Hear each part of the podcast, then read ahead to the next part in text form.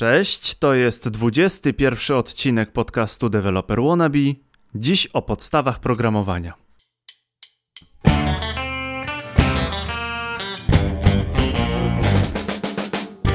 Za tydzień zaczyna się szkoła. W powietrzu czuć zmianę. Skończyłem liceum dawno temu, nie muszę już siedzieć w ławce, bać się klasówki z chemii, wyjaśniać co poeta miał na myśli, no i pisać wypracowań typu moje wakacje. Ale zawsze w końcu sierpnia robi mi się smutno. Dlatego, aby osłodzić ten ponury nastrój, przygotowałem rozmowę z ekspertem.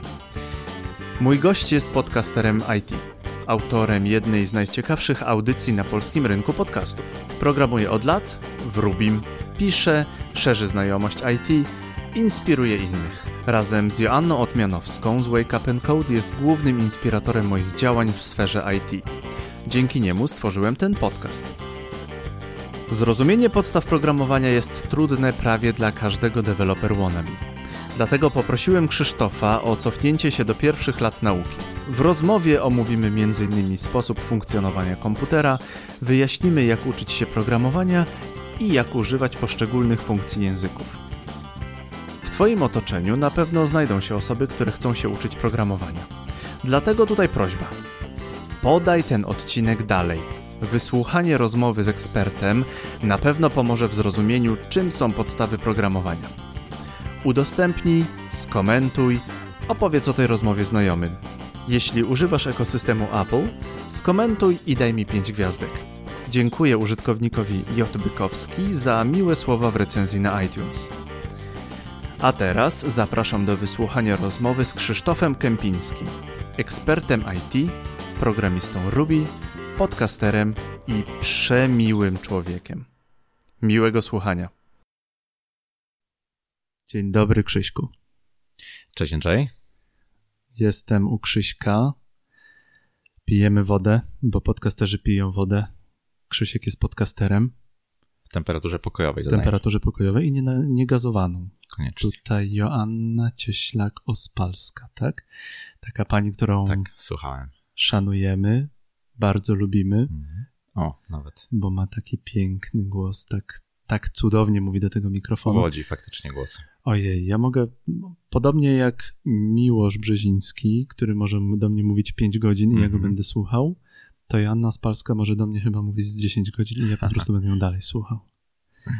Faktycznie ma bardzo przyjemny głos.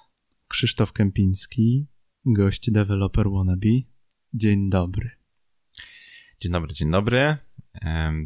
Wielkie dzięki za zaproszenie przede wszystkim do, do podcastu, do takiego, według mnie, jednego z najbardziej prężnie rozwijających się w Polsce podcastów IT, że jest mi bardzo przyjemnie. To wszystko przez ciebie, bo... Moja wina. Tak, twoja wina, bo mówisz o inspiracji w swoim podcaście, zaczynasz swój podcast inspiracją. Zgadza się.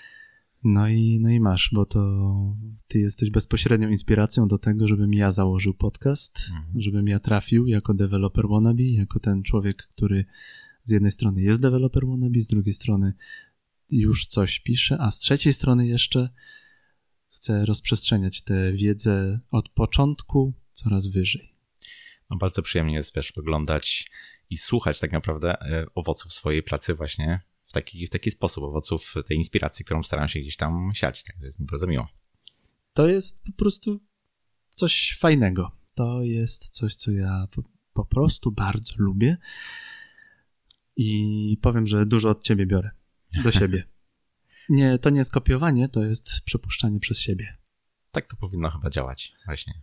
No, rozprzestrzenianie myśli, rozprzestrzenianie radości, nie wiem, samego podcastingu. Jest magia w podcastingu.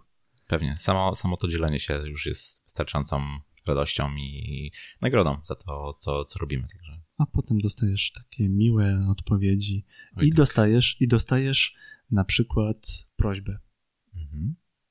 Jesteś drugim, um, o drugą osobą, którą zaprosiłem do takiej serii, którą ja zrobiłem, mhm. wymyśliłem, Developer Wannabe Expert. Pierwszą okay. osobą był Patryk Podleśny, Scrum, mhm. Scrum Master.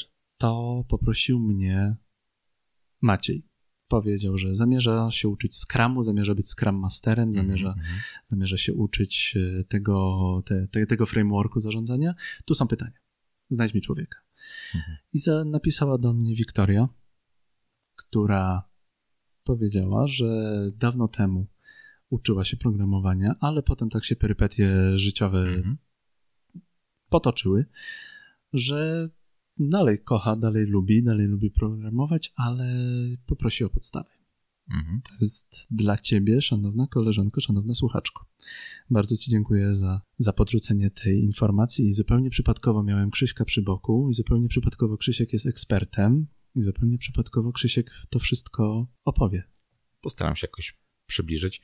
Dziękuję za nazwanie mnie ekspertem, bo jestem takiego zdania, że to właśnie powinniśmy być nazywani gdzieś z zewnątrz ekspertami, a nie sami się mianować ekspertami. To tym bardziej e, świadczy o tym, że coś tam potrafimy, jakieś doświadczenie mamy. Postaram się jak najlepiej przybliżyć te zagadnienia. Ty programujesz, masz styczność od 2005-2006 roku?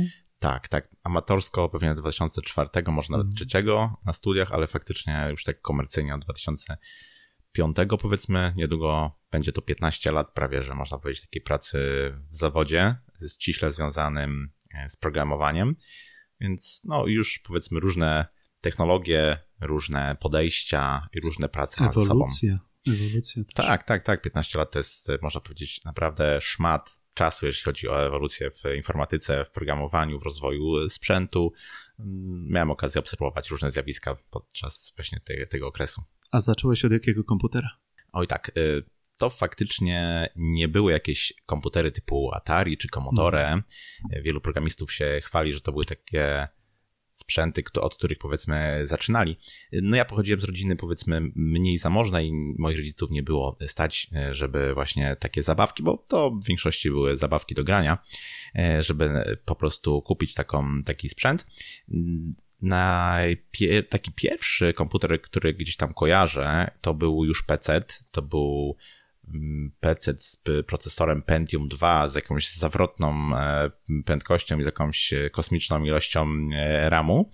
I to był już komputer, który wykorzystywałem w jakiś sposób do programowania. Znaczy, mhm. mój własny komputer poprogramowałem gdzieś mimochodem, pokątnie u kuzynostwa, u, u gdzieś tam kolegów. Mm, natomiast to był taki komputer, który już zacząłem wykorzystywać, oprócz oczywiście grania, do tego, żeby coś własnego tworzyć. A jakie były pierwsze gry, które pokochałeś? Tak, to było klasyczne Tomb Raider, to był... Aż naprawdę. Grałeś w grę. Grałem w grę, grałem. Nie w, nie w Sylwestra, nie w Sylwestra ale, ale grałem. tak. To były jeszcze takie mm, gry typu Heroes of Might and Magic, Och, Diablo kocham, 2 kocham. i taka klasyka, cywilizacja oczywiście, że y, klasyka, która nigdy nie wychodzi z mody i zawsze jest e, fajna, zawsze miło jest do tego wrócić i która jest też takim wzorem dla naśladowania, była wzorem dla przyszłych e, pokoleń. Miałem taki epizod grania w Heroesów, mm. trzecich Heroesów. Tak, to najlepsza gdzie, część. Ach, cudo. To, to dzisiaj to wygląda Oczywiście. niesamowicie. Mm. Z kolegą spędziliśmy dwie doby. Mm. Mieliśmy potem oczy na zapałki. Potem jak wyszliśmy zjeść chyba do mojej babci, to szliśmy przez park i i bałem się, że tam wyskoczy mi jakiś złoty smok. Wszędzie złote smoki widziałem, bo to chyba były, to chyba były naj, naj, najgorsze smoki, takie, tak, naj, takie najtrudniej było takie, je pokonać. Tak, bo, hiperbosowie. Tak. A potem wracamy do twojego doświadczenia. Mhm. Co cię obecnie fascynuje? Co jest twoim core, tym, tą, tymi umiejętnościami, tymi kompetencjami? Czyli mhm. w jakich językach programujesz? Wiesz co, przez te 15 lat przechodziłem przez taką ewolucję, można powiedzieć, jeśli chodzi o y, moją karierę. I oczywiście zmieniałem technologię, ale też zmieniałem, taki, można to nazwać takim awansem y, pionowym, czyli, czyli przechodzenie na stanowiska, które powiedzmy jakoś są bliżej e, team y, managementu, czy jakiegoś takiego liderowania, czy, czy nadzorowania zespołu programistów. I o ile to była fajna przygoda, o tyle mm, zaczęło mi w pewnym momencie brakować jednak tam trochę technologii i przerzucenie się bardziej na Excela i, i, i Jira trochę spowodowało taką nostalgię i chęć powrotu do, e, do technologii. Mhm. E, jeśli chodzi o jeśli miałbym już konkretnie tak powiedzieć, jakie to, są, jakie to są technologie, no to zaczynałem właśnie gdzieś tam na ostatnich latach studiów od tego, co było mi najbliższe, czyli od tworzenia stron internetowych. I to były takie czasy, kiedy wybór technologii był dosyć prosty. To był HTML, to był CSS i to było PHP. To były takie technologie oczywiście open source'owe, dostępne, z którymi łatwo było e, zacząć. I moja praca zawodowa zaczęła się właśnie od, od PHP. To były takie pierwsze chyba dwa lata, o ile dobrze pamiętam. Bardzo e, szybko zakochałem się wówczas w Rubim. Mm, to była świeżynka wówczas, można powiedzieć. A nawet nie w Ruby, tylko w Ruby on Rails, czyli frameworku, który właśnie za pomocą języka Ruby pozwalał na tworzenie e, stron internetowych. I pamiętam, to był 2006 jakoś początek, kiedy ten Ruby on Rails był w wersji 1.1 albo 1.0.1, bardzo, bardzo wczesne e, etapy. Faktycznie zauważyłem, że jest potencjał. E, nie tylko w samym języku, ale również w podejściu, w tym, jak wyglądało community i po co ten język został stworzony. Tutaj mm, trzeba powiedzieć, że to jest język, który został zaprojektowany po to, żeby dawać przyjemność stworzenia programiście, co jest nieoczywistym, można powiedzieć, powodem tworzenia nowych języków. Natomiast faktycznie bardzo łatwo się w nim pisze e, kod i przede wszystkim bardzo łatwo się czyta w nim kod, bo tutaj dodam może dla osób, które jeszcze nie mają jakiegoś większego doświadczenia, że programista w większości swojego czasu, który poświęca na pracę, czyta kod, a nie e, pisze. Przejmuje kod po swoich e, kolegach i musi w jakiś sposób go rozwijać, więc zrozumienie kodu jest, jest e, kluczowe. Ruby daje bardzo takie, można powiedzieć, mechanizmy do tego, żeby ten kod był czytelny. To jest, to jest, to jest istotne próbowałem mojego pracodawcy ówczesnego zainteresować jakoś tym frameworkiem, tym językiem, że może jest to faktycznie coś, co warto byłoby wdrożyć w firmie, w której pracowałem. No niestety nie udało się to, nie udało się to zrobić, nie udało się zainteresować, więc rzuciłem się, można powiedzieć, trochę na głęboką wodę z trzema kolegami. Stwierdziliśmy, że którzy też tutaj dodam, byli zainteresowani gdyby rozwojem tak, y, siebie w, w, ty, w tych technologiach, że może by stworzyć własny software house, który by mógł się specjalizować y, właśnie w tej technologii i y, no, być taki, taką, można powiedzieć, na owy czas wówczas w Polsce jedną z pierwszych mm, firm, które w ogóle się zajmowały tymi technologiami w Polsce. Y, także dosyć w taki sposób szybki, gwałtowny przeszedłem na, na, na Ruby. To rzeczywiście jest ten ten Ruby ma odcień hipsterski i wychodzi, ma, że tak, jesteś, ma. że jesteś też startuperem. Tak, patrząc z perspektywy czasu można powiedzieć, że to faktycznie był, był startup.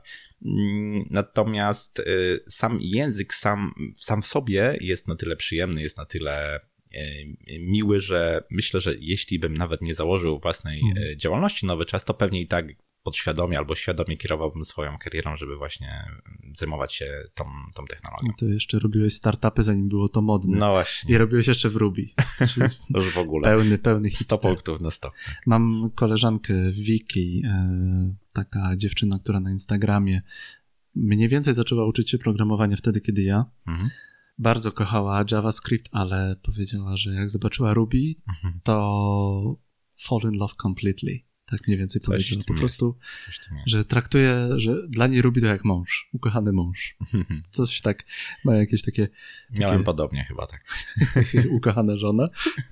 No, wówczas to jeszcze może niekoniecznie żona, ale, ale, dziewczyna. Ale, ale, dziewczyna z pewnością. To był Ruby. Ale masz jeszcze to czary był... mary robisz w innych językach. Tak, tak, zdarzyło się faktycznie. W pewnym momencie przeszedłem za namową kolegi na platformę Apple'a. Natomiast y, chodzi mi tutaj głównie o, o laptopy, o, o, sprzęt do, do web developmentu. No, on Rails jest frameworkiem do tworzenia stron internetowych. Y, właśnie to, co tutaj powiedziałeś, bardzo hipsterskim i ci wszyscy hipsterzy ze Stanów, y, z UK, no to byli makowcy. To mm. byli makowcy. Na sprzęt Apple'a też ta, te wersje Rubiego, wersje bibliotek i, i całego całych narzędzi, które są potrzebne do tworzenia właśnie stron w Ruby on Rails, to były najstabilniejsze, były zawsze najładniejsze i tak dalej, więc, więc to był taka, taki też e, naturalny wybór. No i potem, gdy się już przerzuciłem na ten, ten sprzęt e, ekosystem Apple'a, no to przyszła taka chęć kliknięcia w taką ikonkę, która tam jest na dole, która jest, która otwiera aplikację Xcode. To jest mm -hmm. środowisko deweloperskie do tworzenia właśnie aplikacji w, na, na iOS. Mm, jest to środowisko bardzo zaawansowane, ale jednocześnie jak wszystko, co Apple wypuszcza na rynek, bardzo proste w użytkowaniu. Pozwala na tworzenie aplikacji dosłownie na, poprzez przeciąganie na początku jakichś ikon, które budują nam w, spos w sposób wizualny y, aplikację, więc mhm. rozpocząć można naprawdę e, szybko. No i stwierdziłem, że może amatorsko, żeby troszeczkę już e, też zająć się czym in, czymś innym, troszeczkę głowę przewietrzyć, spróbuję stworzyć kilka amatorskich e, programów. Bardzo mnie to wciągnęło, bardzo mnie przykuło to moją uwagę, a jednocześnie możliwość od razu uruchomienia tego napisanego przez siebie kodu na telefonie, który się ma i zobaczenia, jak to w rzeczywistości wygląda, no to taki dodatkowy wabik, coś takiego, co, co, co faktycznie też mm, daje taką fajną pętlę, jednocześnie powoduje, że chce się nadal w tym ekosystemie coś bardziej zaawansowanego tworzyć. Mm, przez chyba dwa lata w, w taki sposób, no chyba trochę amatorski, bo to nie było tak, że przerzuciłem się na, na iOS. E, tworzyłem różne aplikacje, e, gry nawet, e, pomagałem innym w robieniu tego, więc, więc miałem, tak, miałem taki epizod właśnie związany z, z iOS-em, który, który bardzo mile, bardzo mile wspominam. No i całkiem niedawno wypuściłeś też podcast o tym iOSie. Tak, tak, tak. No teraz to już jest mm, zdecydowanie inny ekosystem mm niż ten, który miałem, w którym ja miałem okazję tworzyć chociażby z racji na to, że Apple zmienił język programowania, który gdzieś tam pod spodem e, siedzi. Ja zaczynałem od mm, czegoś takiego, co się nazywa Objective-C. Mhm. To był taki dosyć siermiężny język, który wówczas e, panował, e, czy był oficjalnym językiem, powiedzmy, tworzenia na właśnie systemy Apple'owe. No, nie wyglądało to zbyt, zbyt przyjemnie, powiedziałbym, że dosyć dziwnie nawet. Mm, natomiast obecnie jest język Swift, mm, który został wprowadzony kilka lat temu przez, przez Apple. No to już jest zdecydowanie język nowoczesne i w związku z tym też narzędzia, biblioteki i tak dalej się bardzo, bardzo e, zmieniły. A jak z Elixirem? Co to w ogóle jest? Opowiadałeś o tym, miałeś chyba dwa wystąpienia o tym. Co to jest? Zgadza się. No, można powiedzieć, że jestem juniorem, jeśli chodzi o Elixira w, w, w, takim względzie czasu pracy. Od ponad roku właśnie zajmuję się Elixirem. To jest bardzo specyficzny, nietypowy język, który bardzo czerpie i wyrósł też e, właśnie z, z Rubiego. Czerpie z różnych, e, na różnych płaszczyznach. Po pierwsze, twórca języka Elixir, e, Josef Alim, zresztą osoba, która mieszka w Polsce, w Krakowie, Brazylijczyk z, z pochodzenia, wchodził w skład core teamu, czyli takiego głównego kręgu najwierniejszych twórców języka frameworka, przepraszam, Ruby on Rails. Czyli wchodził w skład właśnie osób, które, które na co dzień zajmują się rozwojem i zaczął szukać pewnych alternatyw do tego, jak zapewnić, żeby Ruby był wielozadaniowy, czyli żeby w łatwy sposób można było w tym języku tworzyć programy, które wykonują wiele operacji równolegle. Mhm. To jest taka dziedzina programowania, która jest trudna, jest jedną z najtrudniejszych, e, można powiedzieć, właśnie e, dziedzin i aspektów e, programowania i która, jeśli już ktoś ma potrzebę tworzenia właśnie czegoś takiego, pracy nad czymś takim, to najczęściej nie wspomina tego zbyt mile. No i Ruby też tego, powiedzmy, nie wspiera na tyle mm, wydajnie, na tyle w sposób oczywisty, żeby, żeby takie programy działające współbieżnie właśnie Ruby tworzyć. No i sobie ten nasz Jose zaczął mm, spoglądać na inne języki, jak to jest zrobione, żeby się zainspirować. Mhm. I trafił na Erlanga. To jest w ogóle bardzo, bardzo rzadki, ale jednocześnie niezwykle stabilny język programowania, używany głównie w systemach telekomunikacyjnych, czyli no, potrafimy sobie już tutaj zrobić takie powiązanie. Jeśli systemy telekomunikacyjne, y, które obsługują, tak taka centralka telefoniczna obsługuje wiele równolegle trwających połączeń, jednocześnie musi być niezwykle e, stabilna. Wiesz, mm, myślę, że nie, trafiłeś nigdy na taką sytuację, że wiesz, rozmawiasz sobie z kimś przez telefon i nagle słyszysz, że o, przepraszamy, ale niestety połączenie musi być przerwane, bo właśnie aktualizujemy oprogramowanie na centralce. No, raczej się to nie zdarza. No właśnie, i tak się dzieje między innymi mm, dzięki językowi programowania e, Erlang. No i ten nasz Jose, zamykając już tą historię, wziął sobie ten język, i na podstawie tego języka nadbudował e, składnię, która bardzo przypomina e, Ruby. czyli dla, dla programisty Rubiego, łatwy sposób jest przejść na ten język Elixir, ponieważ przypomina on składniowo Ruby, a jednocześnie daje zupełnie inne, zupełnie inne możliwości. Tutaj dochodzimy do sakramentalnego pytania, które zadają mi słuchacze podcastu. Mhm. Pewnie ty się też spotykasz. Gdziekolwiek występ, występujesz, gdziekolwiek się pojawisz. No to po co programujemy i od czego zacząć? I teraz chciałbym, żeby facet z 15-letnim stażem powiedział, po co programujemy i panie profesorze, od czego zacząć? Tak, to jest faktycznie częste pytanie, które gdzieś tam słyszę podczas wystąpień. Też y, osoby, które słuchają mojego podcastu, też mi przesyłają takie y, pytanie. To nie jest głupie pytanie. To jest y, pytanie, z którym się spotykają, na które trafiają faktycznie osoby, które chcą wejść do IT. Jedno z pierwszych pytań. A jest ono o tyle trudne, że nie ma bardzo oczywistej, jasnej odpowiedzi na to pytanie.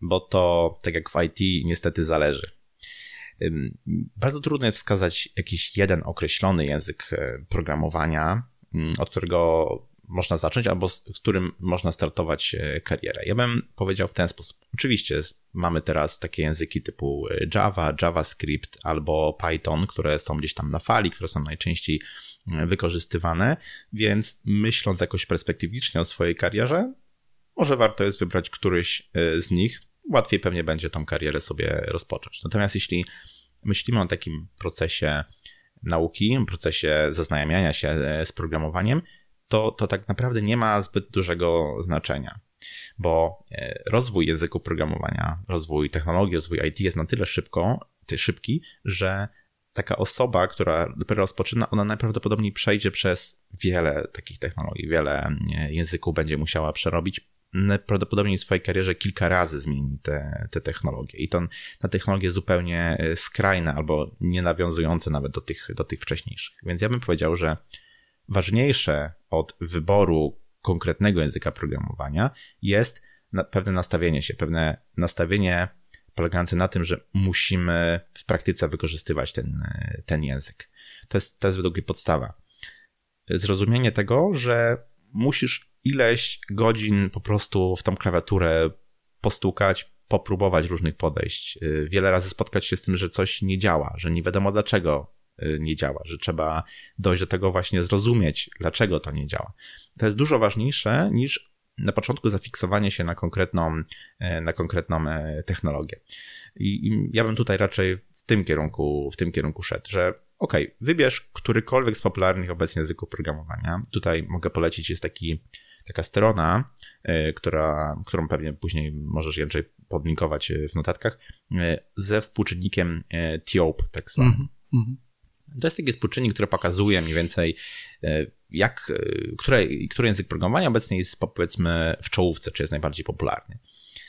I jasne, są takie języki, które są jakiegoś bardziej szerokiego zastosowania, są takie bardzo specjalizowane, ale ja bym powiedział, weź sobie naprawdę dowolny język e, z pierwszej dwudziestki e, tego, tego współczynnika, tego, tej listy e, TIOP w miarę powiedzmy szerokiego zastosowania, czyli Java, JavaScript, Python, Ruby, może nawet C i zacznij po prostu cokolwiek robić. To, to jest chyba najlepsze, najlepsze wyjaśnienie. I potem taki developer wannabe spotyka się z informacją, że ale w życiu w ogóle to od Java nie, za, nie zaczynaj zrób sobie Pythona, zrób sobie JavaScript i człowiek zaczyna dalej mhm. siedzieć w JavaScriptie i dalej mu to nie działa, dalej ma problem, dalej nie ogarnia. W tym momencie przychodzi ta załamka. Tak. Proszę tak. o dobre słowo dla takich ludzi. Tak, no. Dla myśl, mnie. Myślę, że myślę, że może być taka frustracja, ale to jest, to jest naturalne procesie e, uczenia się czegokolwiek, że jest ta krzywa, która na początku niestety jest nam nieprzychylna. Musimy skumulować ileś tam wiedzy, ileś tam e, doświadczeń, nieraz takich, które mm, nam raczej pokazują, że nic nas nie będzie. Musimy po prostu przez ten, przez ten taki wstępny etap przejść. No tutaj nie ma drogi za bardzo na skróty. Niestety nie, nie pocieszę cię do w jakiś taki, taki sposób. Ja jestem zdania, że nie ma lepszego podejścia niż po prostu, niż po prostu do roboty. Wiadomo, każdy język jest jakoś tam specyficzny. Niektóre nadają się bardziej do innych zastosowań, niektóre do, do innych. Ale jest, jest taka, taki zbiór rzeczy, które je łączy. To są pewne zasady takiego powiedzmy wytwarzania oprogramowania, jakichś dobrych, dobrych praktyk, warto tego nabyć. Warto zrozumieć y, pewne procesy, warto się obeznać y, z narzędziami, bo tak jak mówię, no technologia, konkretny język jest zmienny, pewnie się będzie zmieniał, natomiast y, te podstawy, które zdobędziemy, no one będą z nami szły i będą owocowały. A jakbyśmy mieli zejść jeszcze niżej, do takiego mhm. po prostu wyjaśnienia, co to jest język programowania. Tam są takie śmieszne odpowiedzi, że tam tłumaczenie durnej maszynie, że ma coś robić. Mhm. Jakbyś ty odpowiedział na pytanie, co to jest język programowania? Jasne. Tutaj musimy bardziej zrozumieć też, jak działa komputer i w jaki sposób wykonuje to, o co go y, prosimy. Mhm. Więc y, można powiedzieć, że takim, takim sercem tak, komputera jest, jest procesor, który, który te, te polecenia właśnie wykonuje, ale on nie rozumie albo nie potrafi wykonać bezpośrednio to, co zapisaliśmy właśnie za pomocą naszego programu. Ponieważ język programowania tak naprawdę nam, jako programistom, ma pomóc powiedzieć komputerowi, co on ma wykonać. To nie są instrukcje jasne do mm, przetworzenia przez, przez procesor. On potrzebuje czegoś znacznie e, bardziej łopatologicznego. Czegoś, co powie mu, Mm, przenieść bit, byte taki do komórki e, takiej, albo tutaj z, coś z akumulatora przenieść do, do cache'a, tak? Czyli, czyli potrzebuje znacznie bardziej prymitywnego wyjaśnienia sposobu mm, pracy. I tutaj jest moje odkrycie. Tak.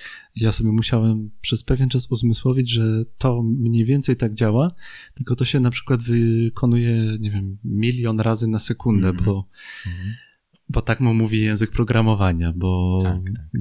to jest ta, nie wiem, choćby szybkość procesora ma na to, na, na, to wpływ. Tak? Szybkość taktowania zgadza się jak najbardziej. Więc, więc musimy zasilić tą naszą maszynę bardzo, bardzo prostymi instrukcjami. Natomiast my jako programiści, no nie chcielibyśmy e, pracować na tak niskim e, poziomie, bo, bo musielibyśmy wówczas bardzo też abstrakcyjnie e, myśleć, a mało tego, czytanie takiego kodu no, wymagałoby sporo czasu, żeby zrozumieć, co artysta, co poeta miał na myśli. I tak powstały języki bardziej wyższego poziomu, bardziej abstrakcyjne, które w zamyśle mają nam bardziej przypominać język e, ludzi, czy tam język angielski, powiedzmy, najbardziej powszechny w IT. Czyli chcemy pisać takie e, programy, które są przede wszystkim łatwe do czytania dla ludzi. Mhm. Ludzie muszą zrozumieć, co, e, co chcemy za pomocą nich wykonać. Tu zaczyna się cały proces e, właśnie mm, przechodzenia od tego języka wysokiego poziomu do tego języka maszynowego rozumianego przez e, maszynę. Prawda? Można powiedzieć, że mamy takie dwa, dwie główne grupy języków e, programowania. To są języki, które są kompilowane i takie, które są interpretowane. Musisz wyjaśnić od razu. Oczywiście. Proszę. Języki kompilowane działają w ten sposób, że jest ta faza tak zwanej kompilacji, zanim będziemy mogli ten program uruchomić. I ta faza kompilacji właśnie zamienia nam to, co my tam sobie napisaliśmy, na ten język maszynowy. To w bardzo dużym uproszczeniu, ale, mhm. ale mniej więcej taka, taki, jest, taki jest e, cel. I to, co powstaje w wyniku kompilacji, jest już właśnie takim w miarę rozumianym przez maszynę e, kodem. Dopiero wówczas możemy to mm, uruchomić. Mm, natomiast druga grupa to są języki interpretowane. Polega to na tym, że specjalny program czyta na bieżąco, w czasie rzeczywistym mniej więcej, to, co my tam naskorobaliśmy i to wykonuje. Nie, nie ma potrzeby, znaczy w locie jak gdyby przetwarza to, co my napisaliśmy na ten język maszynowy. I oczywiście jedne i drugie podejście ma swoje plusy i minusy. Może wspomnę tylko kilku najbardziej podstawowych w językach interpretowanych możemy, nie musimy mieć tej fazy kompilacji, w związku z czym oszczędzamy trochę czas w procesie developmentu, w procesie programowania, bo de facto dopisujemy nową linijkę i od razu możemy ten program um, uruchomić, zobaczyć jego, jego efekt, czyli ta pętla jest taka szybsza. Natomiast w przypadku kompilacji, jeśli mamy już całkiem duży program i dopiszemy chociażby jedną linijkę, no to musimy ten program najpierw skompilować i dopiero później uruchomić, czyli trwa to troszkę dłużej. Jednocześnie ten kompilator potrafi już na etapie kompilacji wyłapać pewne błędy. Potrafi mhm. znaleźć nam pewne luki w naszym kodzie i nie dopuścić do kompilacji, jeśli coś przeoczyliśmy, jeśli o czymś mm, zapomnieliśmy. Czyli już ta kontrola występuje na tym, na tym etapie. W przypadku języków interpretowanych, no tak, tak nie jest. To, co tam napisaliśmy, to się stanie. Jeśli popełniliśmy Czekamy, błąd... Czekamy, aż się wyłoży program. Jeśli tak? popełniliśmy błąd, to zobaczymy na przysłowiową twarz. I Tomasz, jak, jak się mają te języki do wielozadaniowości komputera?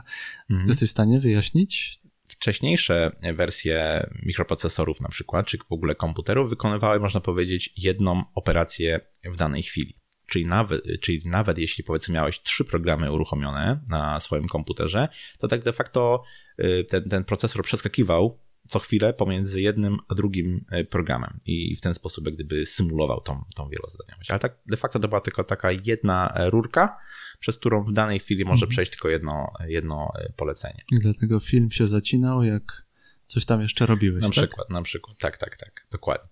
Natomiast od iluś tam już lat, yy, powiedziałbym, że bardziej kilku niż kilkunastu, spotykamy się z tym, że procesory się nieco zmieniły. Dotknęliśmy troszeczkę tak zwanej bariery technologicznej, to znaczy, że ta miniaturyzacja już zbyt bardzo nie może iść do przodu. Nie możemy też podkręcać częstotliwości taktowania e, procesorów, ponieważ zaczynamy już ocierać się o takie problemy znane z fizyki kwantowej. Bardzo mhm. trudno już takie rzeczy rozwiązywać.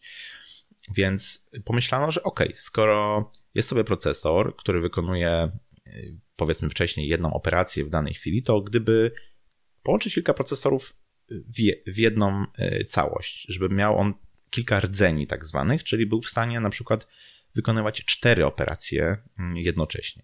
Że to może jest jakiś kierunek y, rozwoju, który pozwoli nam na przyspieszenie, na zwiększenie tej mocy obliczeniowej. No i tutaj właśnie pojawiają się te mm, problemy, czy to właśnie ta kwestia programowania mm, takiego tak zwanego współbieżnego, czyli tej e, wielozadaniowości. Pojawia się cała gama też problemów, które się z tym e, wiążą i myślę, że wiele, wiele prac e, doktorskich napisano właśnie na różne takie teoretyczne nawet zagadnienia z tym związanych i związane i właśnie dlatego wspomniałem na początku, że to programowanie takie współbieżne, czyli wielozadaniowe no nie jest, nie jest, nie jest łatwe.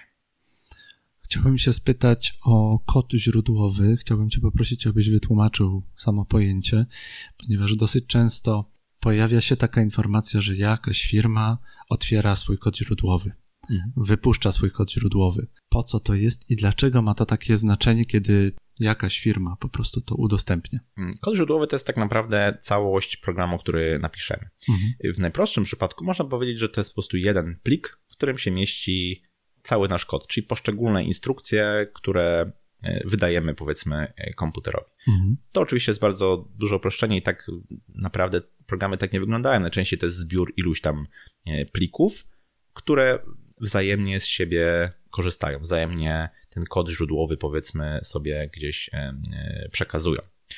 I to jest taka naj, najprostsza według mnie definicja po prostu kodu źródłowego. To jest całość programu, który, który napisaliśmy. Ale tego napisanego w tym języku bliskim, bliższym ludziom, nie mm -hmm. tego maszynowego. Mm, natomiast otwieranie takiego kodu źródłowego, y, czyli robienie z tego kodu, powiedzmy, oprogramowania typu open source, otwartego, mm, może mieć wiele różnych benefitów.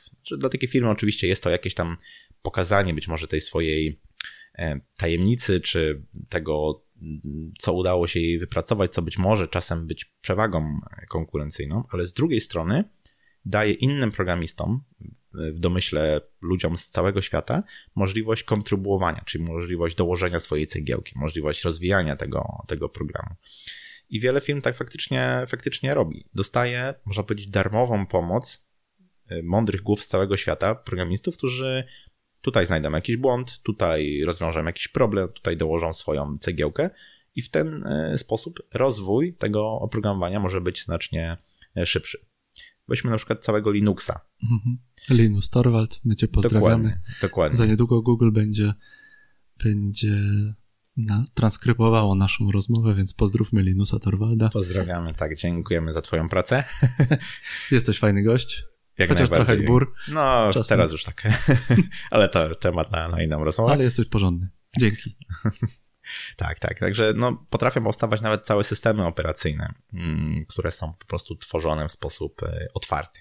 Czyli ten kod źródłowy jest dostępny dla każdego, kto chciałby sobie go przeczytać, a może nawet wziąć i zrobić tak zwanego forka, czyli e, zrobić swoją wersję tego, tego kodu źródłowego z, jakąś, z jakimś swoim dodatkiem, z jakąś swoją mm, zmianą, rozszerzeniem.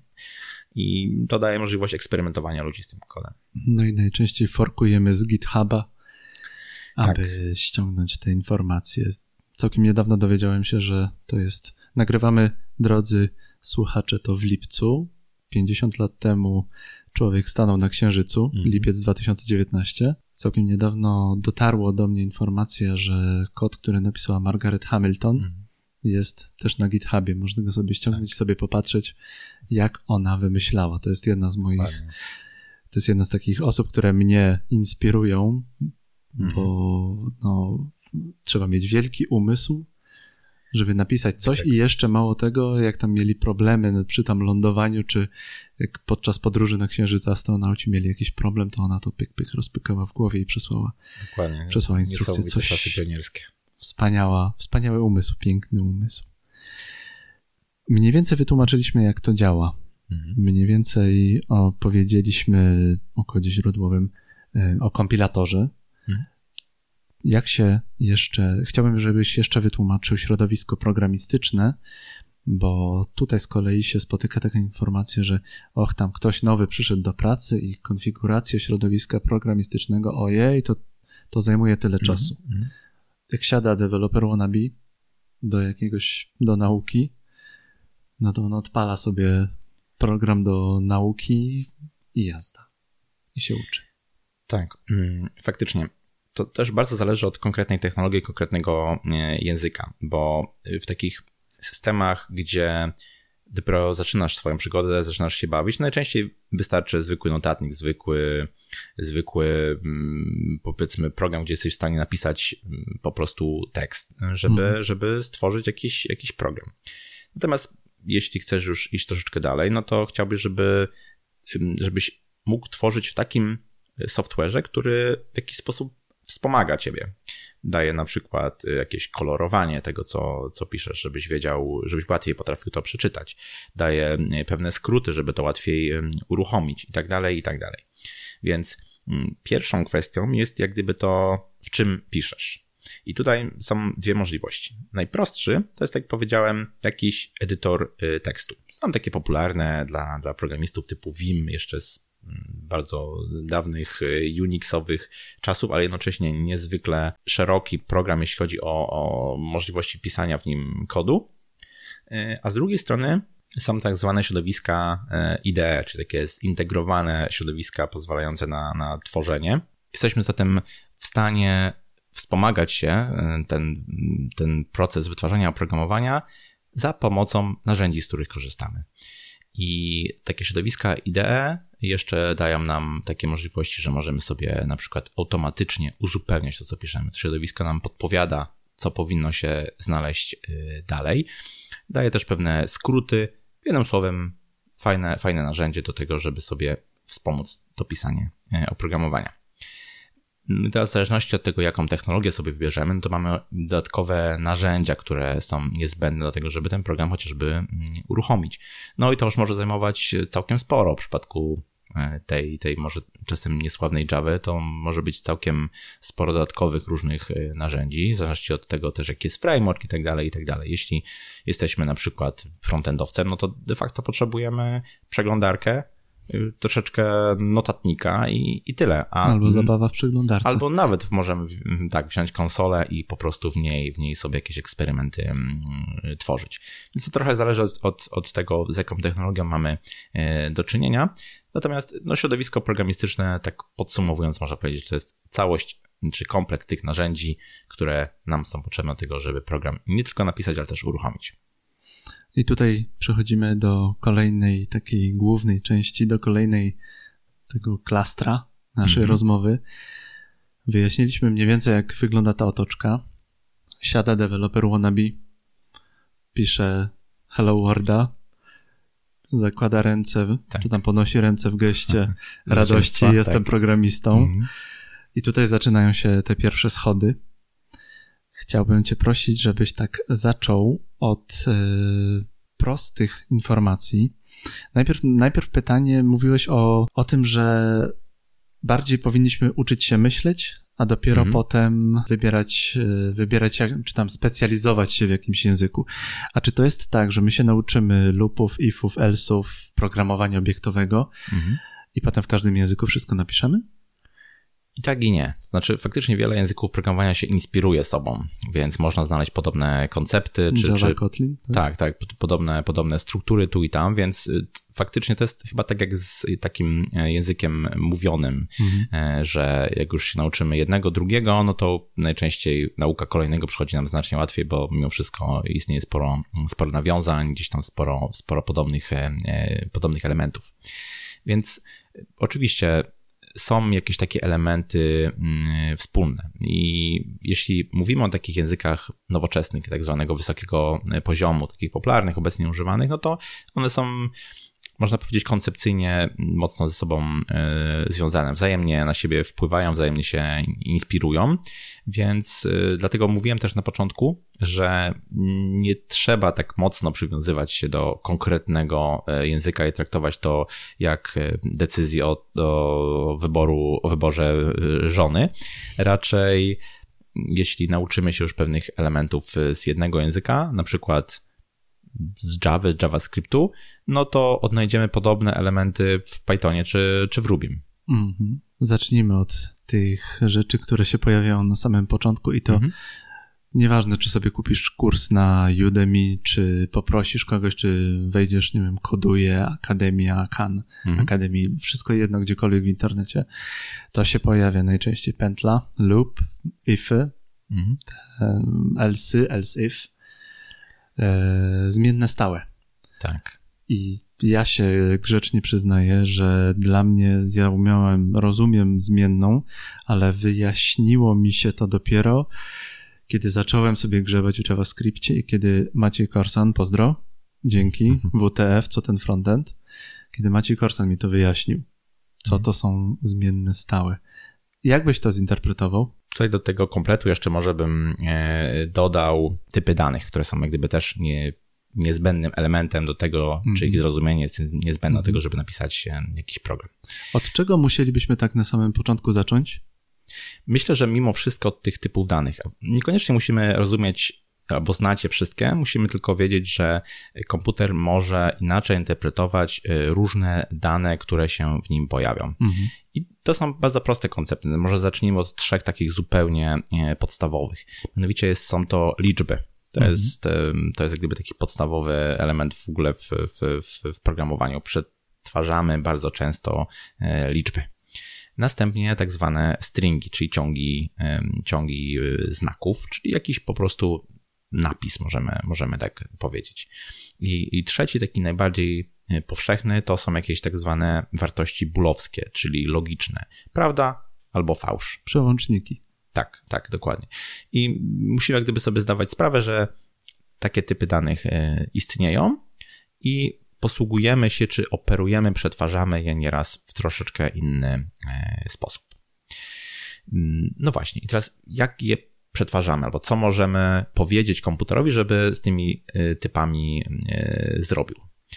Możemy je przypisać do jakiejś zmiennej albo stałej właśnie. To jest taka mhm. najprostsza e, operacja. I zmienna to jest jak gdyby taki, można powiedzieć, kontener, takie pudełeczko, które gdzieś tam sobie w pamięci e, istnieje, którą sobie w jakiś sposób nazywamy. Dla uproszczenia powiedzmy, że mamy takie miejsce w pamięci, które nazywamy A. I to będzie po prostu A. Może bardziej obrazowo. A jeśli weźmiemy koszyczek? Może być koszyczek, jak, jak Będzie najbardziej. koszyczek, wkładajmy tam jajeczka. Dokładnie, dokładnie. To jest taki koszyczek, który my nazywamy i dzięki temu, jeśli przywołamy to A, to komputer będzie wiedział, że mówimy o takim miejscu y, w pamięci. Pod spodem to jest bardzo długi jakiś tak zwany adres y, tej komórki w pamięci, natomiast my możemy ją sobie nazwać po prostu A i tak się do niej odwoływać. I teraz w momencie, kiedy przypisujemy jakąś wartość do tej zmiennej A, to tak naprawdę wkładamy do tego koszyczka coś konkretnego. I to może być właśnie albo ta liczba, to może być jakiś napis, to może być wartość bólowska. Zapisujemy sobie to w pamięci. To sobie tam y, siedzi. I ten koncept nazywa się zmienną, ponieważ jest to taki właśnie koszyczek, z którego możemy później mm, wyjąć te jajka, które tam są i, i włożyć jakieś nowe, czyli możemy zastąpić po prostu tą, tą wartość. To ciągle będzie to samo miejsce. kolory pisanek na przykład. Na przykład. Tak?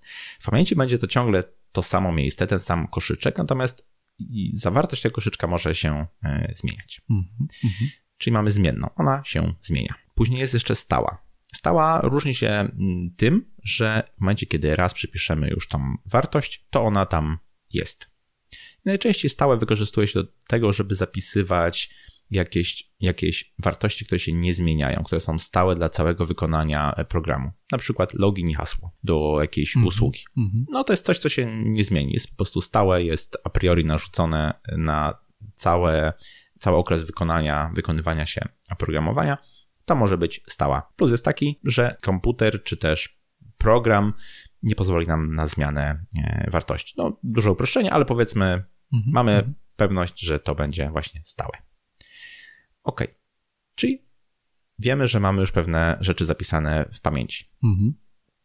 Teraz chcielibyśmy w jakiś y, sposób y, powiedzieć komputerowi, co możemy z tym robić. Tutaj właśnie takie mm, dwa najprostsze, mm, dwie najprostsze struktury, tak zwane struktury sterowania, to jest if i to jest jakiś rodzaj pętli.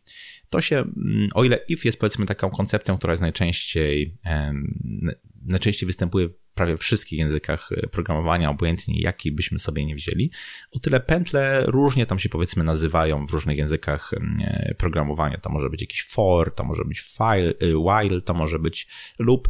Natomiast generalnie realizują to samo, realizują pewną pętlę. Zacznijmy może od tego, od tego ifa. Floor is yours.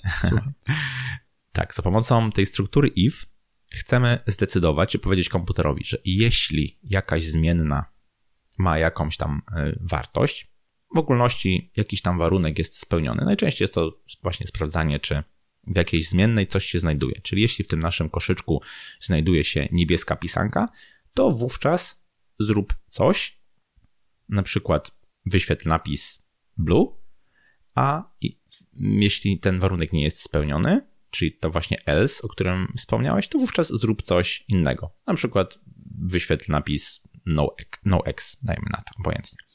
W każdym razie sterujemy mm, tym wykonaniem programu. Y, Mówimy komputerowi, że jeśli warunek spełniony, to wykonaj, idź w tym kierunku, a jeśli niespełniony, to idź w innym kierunku. Czyli takie rozgałęzienie możemy sobie y, stosować. To jest jak gdyby jedna możliwość. Druga możliwość to są różnego typu pętle. I pętla ma w sobie pewien warunek, warunek zakończenia. Czyli to może być e, wykonuj pewien kod do momentu, aż na przykład w zmiennej e, A, czyli w tym naszym koszyczku, nie znajdzie się e, niebieskie jajko. I wewnątrz tej pętli robimy coś, co się powtarza cały czas. Mhm. Na przykład wyświetl napis użytkownikowi, czy poproś użytkownika o to, żeby pisał na klawiaturze, jaki jest kolor jajka. I do momentu, aż on nie wpisze blue, pon- ponawiaj wykonanie tej pętli, czyli znów wyświetl mu ten, ten napis. Czyli możemy gdyby sterować wykonaniem e, programu w ten sposób, że no nie wiemy, co ten użytkownik nam e, wpisze, ale możemy zadać, czy też rozkazać komputerowi, żeby wykonywał tą pętlę do momentu, aż jakiś warunek nie zostanie spełniony. Możemy też tą pętlę wykonywać określoną ilość razy. Na przykład 10 razy wyświetl napis A, dajmy na to. Mhm, mhm. Więc takie, takie dwa podstawowe koncepty, jeżeli chodzi o mm, pętle, e, występują. No i to też są właśnie koncepcje, czy też takie struktury sterujące. To chyba jest dosyć często wykorzystane, wykorzystywane, pętla jest dosyć często wykorzystywana w kursach y, w robieniu albo wisielca, zabawy no tak, wiselec, tak? Się ładnie, albo, ładnie rysuje coś. Tak, tak albo, albo po prostu zabawy o jakiej cyfrze myślę, tak? I dokładnie. Można dokładnie. 10, masz 10 strzałów. To akurat wytłumaczył mi inny człowiek na przykładzie języka C. Tak się. Tam, tam, Mhm. się, tam się bawiłem wisielca. To chyba nawet jest dobry język, żeby sobie y, ćwiczyć pętle. Takie, jakoś mi bardzo łatwo wchodziły te, te pętle. No, Tak, tak, tak, tak. Ale tutaj proszę cię, o, tak odbiegniemy odrobinę. Jeżeli już wybraliśmy język, to powinniśmy się go uczyć. Jeżeli już Mhm. zaczęliśmy się uczyć jakiegoś języka, nie powinniśmy skakać z języka na język. Myślę, że na początku to pewnie byłoby niewskazane, bo te koncepcje mogą nam się troszeczkę zacząć e, mieszać. Mhm. Zwłaszcza, że tak powiedziałem, one nieraz się tylko minimalnie gdzieś tam różnią w składni. Albo, dajmy na to, nie wiem, w języku PHP na końcu każdej linii dajemy na przykład średnik. Jeśli zaczniemy jednocześnie uczyć się PHP i na przykład y, Rubiego, Mhm. no to możemy, że tak powiem, nie wyrobić w sobie tego nawyku, żeby na przykład na końcu każdej linii stawiać e, średnik. Więc na początku raczej bym nie polecał. No i jeszcze chyba przepalasz po prostu czas bez sensu, bo raz. No, Zdecydowanie. to jest jak, nie wiem, jak z bieganiem. Ja dosyć często porównuję to jak z bieganiem, że jak trenujesz na 5 km, to po prostu trenuj na 5 km, a Mhm. potem sobie zwiększaj te odległości. Pewnie. Zrobiliśmy pętle, zrobiliśmy ify. Co mamy jeszcze? Mm, No teraz już wchodzimy z takim, z takim zestawem narzędzi. Możemy już zacząć, zacząć tworzyć jakieś programy strukturą bardziej złożone, Mhm. bo z pomocą tego, co przed chwilą powiedzieliśmy, możemy pisać programy tak zwane imperatywne, czyli takie, które mówią linijka po linijce mniej więcej, e, co ma zostać wykonane. Natomiast tak się już nie pisze, bo w ten sposób nie podchodzi się do nowoczesnego mm, programowania. Raczej wykorzystuje się programowanie na przykład obiektowe, najbardziej e, popularne. Tak, i w dużym, dużym skrócie. W programowaniu obiektowym staramy się odwzorować mniej więcej rzeczywistość. Tak jak mówiłem Mhm. na początku, że chcielibyśmy, żeby język programowania był bliski takiemu normalnemu językowi rozumianemu przez programiście. Tak samo poprzez programowanie obiektowe chcemy odwzorować, jakoś zamodelować rzeczywistość. No i w rzeczywistości mamy do czynienia z pewnymi obiektami. E, Te obiekty są najczęściej jakiś klas, jak- jakichś typów. Na przykład obiekt, który wisi u mnie na ścianie, jest typu telewizor. Ale to, Telewizor ma to i to, tak, tak? ale to jest jego konkretna tak zwana instancja. Czyli to Mhm. nie jest abstrakcyjny telewizor, to jest konkretny telewizor, konkretny egzemplarz tego, tego W pokoju u Krzyśka. dokładnie. Czyli to jest obiekt, Mhm. konkretny egzemplarz. Natomiast on jest jakiegoś typu i to jest właśnie klasa, czyli klasa i obiekt to są takie dwie podstawowe rzeczy. Obiekt ma dwie takie najbardziej charakterystyczne cechy. Po pierwsze, to są jakieś pola go opisujące, jakieś parametry, jakieś em, charakterystyczne dla niego rzeczy. Na przykład kolor, nie wiem, czarny, nie wiem, tam 48 cali na przykład. I posiada też pewne e, funkcje, metody, które umożliwiają interakcję z tym, e, z tym e, obiektem. Mm, Na przykład dają metodę, nie wiem, włącz zasilanie albo metodę mm, przełącz program i tak dalej, i tak dalej. I to są jakby takie dwie główne mm, cechy, czy dw- dwa główne, główne charakterystyki, które opisują nam właśnie e, obiekt. Dzisiaj dalej będę chwalił Maćka Korsana, bo robi świetną rzecz. Dzisiaj Maciek Korsan na kursie, przechodzę sobie kurs jego, co ten frontend, to obiektowość tłumaczył na przykładzie Gwiazdy Śmierci. Okej. Gwiazda Śmierci, rozmiar taki, populacja taka, No tak. y, działo ma takie, takiej a takiej mocy i strzela w planetę taką a taką. Jeszcze Mhm. tutaj pokazywałem, jak, jak, jak, jak działa, że jeżeli jest naładowane, no to się wyświetlało wtedy bum. A jeżeli nie, no to, no to, no to, no to się nic nie działo, że jest peace. I tyle. tak akurat strzelał w, w planetę Alderan, co Mhm. mnie trochę bolało. No, no tak. Też jesteś fanem Gwiezdnych Wojen?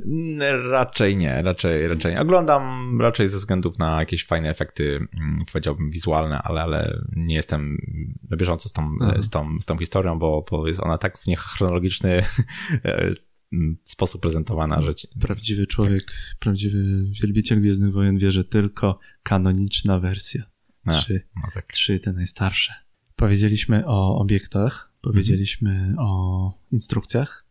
Mhm. Co jeszcze możemy dodać? No tak, to jest oczywiście taka podstawa. Mhm. Natomiast istnieje jeszcze sporo takich dodatkowych e, konceptów, czy sporo na przykład dodatkowych typów e, danych, od których będziemy sobie zaczynać naszą, naszą przygodę. Co się, co się przyda deweloper wannabe na starcie? Wydaje mi się, że przede wszystkim zrozumienie dodatkowych konceptów związanych z programowaniem obiektowym, bo mhm. programowanie obiektowe jest obecnie najbardziej mm, powszechne. Większość mm, popularnych języków programowania opiera się właśnie na programowaniu e, obiektowym. Nie powiedzieliśmy o tym, w jaki sposób te obiekty ze sobą rozmawiają, bo powiedzieliśmy, że jest coś takiego jak obiekt, on jest, mm, może być danej e, klasy, natomiast to jest jakiś, jakiś początek te metody, które są związane z, z obiektem, czyli na przykład to, że Gwiazda Śmierci, nie wiem, ma metodę do strzelania, do, do przemieszczania się i robienia może jeszcze obrotu, muszą być w jakiś sposób wywołane z zewnątrz, żeby coś się zadziało, czyli musimy wykonać jakąś, jakieś działanie, jakąś metodę na rzecz tego obiektu, albo powiedzieć mu, żeby coś e, zrobił. No i właśnie taki program napisany w sposób obiektowy to są rozmawiające ze sobą e, obiekty, które wywołują metody z innego, e, z innego e, obiektu.